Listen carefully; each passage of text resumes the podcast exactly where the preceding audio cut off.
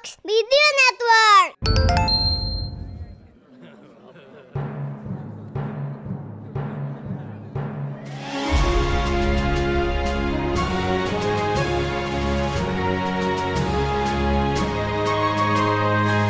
Perhatian, perhatian. Dongeng Paman Geri akan segera dimulai.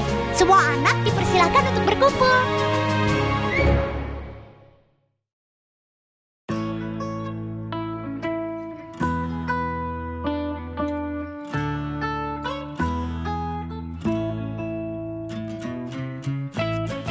Halo adik-adik, senang sekali Paman Geri bisa ketemu kembali dengan semuanya di podcast Dongeng Paman Geri. Walaupun hanya lewat suara, tapi kali ini Paman Geri akan mengajak adik-adik untuk sama-sama masuk ke dunia dongeng di tempat yang di sana dingin sekali. Wah, kenapa kok dingin? Gini ceritanya, jadi pada suatu masa di malam yang udaranya dingin, hmm, Paman Giri itu paling seneng kalau makan. Supaya tahu nggak apa? Supaya badannya tetap hangat. Jadi kalau dingin, makan adik-adik ya enak sekali. Kalau misalnya sekarang Paman Giri yang tanya. Kalau adik-adik kalau udara dingin, sukanya makan apa? Ayo, ada yang suka makan sup misalnya, atau ada yang suka makan hmm susu hangat atau coklat hangat. Hmm, enak sekali ya. Yuk, yuk, yuk. Kita sekarang masuk ke dunia dongeng, tempat di mana ada musim dingin yang sangat dingin di negeri dongeng.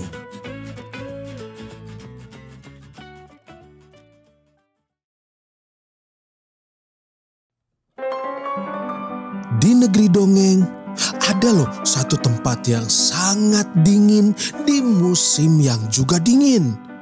Bahkan ini lebih dingin daripada kota-kota lainnya di Eropa. Nah, saking dinginnya, semua tanaman membeku. Semua pohon kehilangan daunnya. Juga sungai dan danau pun airnya berubah jadi es. Wah, hewan yang bisa terbang seperti misalnya burung atau bebek dan angsa juga sudah terbang ke daerah yang lebih hangat sejak musim gugur. Tapi coba bagaimana dengan hewan yang tidak bisa terbang? Oh, mereka tetap di situ. Tapi mengumpulkan makanan harus banyak-banyak. Betul, sejak musim gugur, para hewan sudah menimbun banyak makanan di sarang mereka masing-masing. Terutama bagi hewan yang kecil-kecil. Termasuk keluarga katak yang tinggal di pinggir danau. Mereka mengumpulkan makanan yang baik dan bergizi lalu bersama-sama memakannya. Mungkin adik-adik bingung ya, kok langsung dimakan sih? Bukannya untuk musim dingin kan? Ternyata para katak ini tidak makan saat musim dingin nanti karena mereka akan tidur panjang alias berhibernasi. Jadi, bukan cuma beruang aja yang bisa tidur sepanjang musim dingin. Katak di iklim yang dingin juga bisa. Musim dingin kali ini adalah hibernasi pertama bagi Froggy si katak. Ia katak yang masih muda dan selalu bersemangat. Tapi di mana ya Froggy dan keluarganya? Heh, Tadi sepertinya Paman Giri lihat mereka lagi melompat-lompat di tepi danau. Nah itu dia, itu dia. Kita dekati yuk.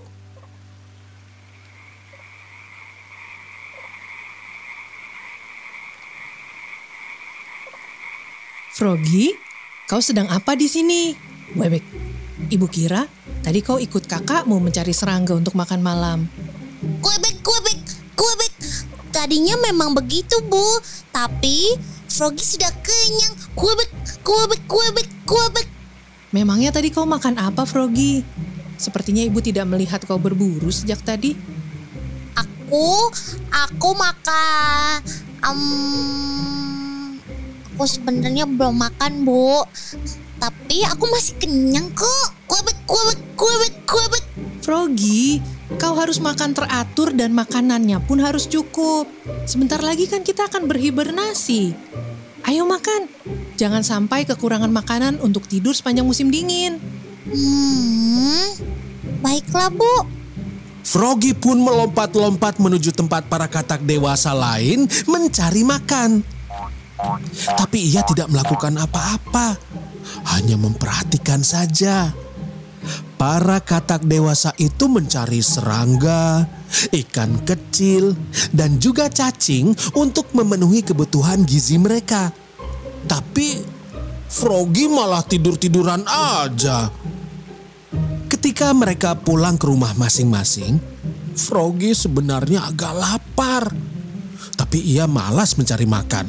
Jadi ya ia ikut pulang juga. Malam itu angin dingin mulai bertiup di sekitar danau. Para hewan berlindung di sarang masing-masing. Sepertinya musim dingin datang lebih awal tahun ini. Udara jadi begitu dingin sekali. Hujan salju pun turun perlahan. Tidak berapa lama, seluruh daratan seperti tertutup oleh selimut berwarna putih. Adik-adik, kalian kalau kedinginan suka jadi lapar nggak? kalau kita gampang ya tinggal minta ibu atau ayah buatkan coklat hangat atau makan sup mie, ya kan? Tapi kalau Froggy gimana ya? Hari semakin malam dan semakin gelap. Tanah dan pohon sudah ditutupi salju tipis. Aduh, Froggy merasa perutnya mulai keruyukan. Padahal makanan sudah tidak ada. Froggy, kamu kenapa? Kelihatannya pucat.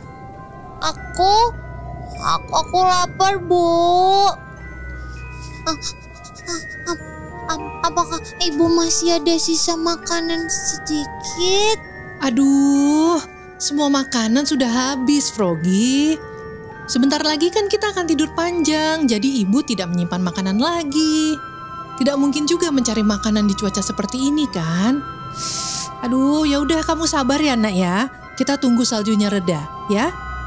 Tapi malam itu justru hujan saljunya semakin lebat.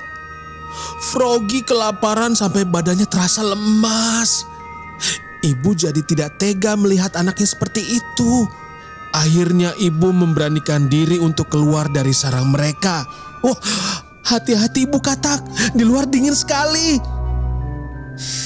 Uh, uh, mungkin mungkin masih ada uh, sedikit makanan di di pinggir danau ini. Uh, aduh, uh, serangga pasti tak ada, tapi cacing uh, mungkin uh, masih ada. Aha, dapat, dapat. Sekarang tinggal uh, melompat kembali ke sarang. Tapi, aduh, aduh kakiku mulai membeku. Aduh, bagaimana ini? Ibu, I ibu, ibu. Froggy, ayah, kenapa kalian keluar dari sarang? Kami datang untuk menjemputmu, Bu. Sebentar, kuangatkan kakimu supaya tidak beku ya. Nah, bagaimana? Sudah bisa bergerak belum? Uh, uh, bisa, bisa. Ayo, kita cepat kembali ke sarang. Ayo, Froggy. Eh, ini cacing untukmu. Makan dulu ya, nak. Froggy langsung makan cacing gemuk yang diberikan ibunya. Ia mengunyah sambil menangis dalam hati. Dia takut sekali ibunya jadi sakit gara-gara keluar saat hujan salju. Dan itu semua gara-gara Froggy kelaparan. Untunglah ayah, ibu, dan Froggy berhasil kembali ke sarang dengan selamat. Froggy kemudian minta maaf pada ibu dan juga ayah karena tidak menurut. Ya, ibu dan ayah memaafkan Froggy. Asal janji untuk tidak diulangi lagi, ya.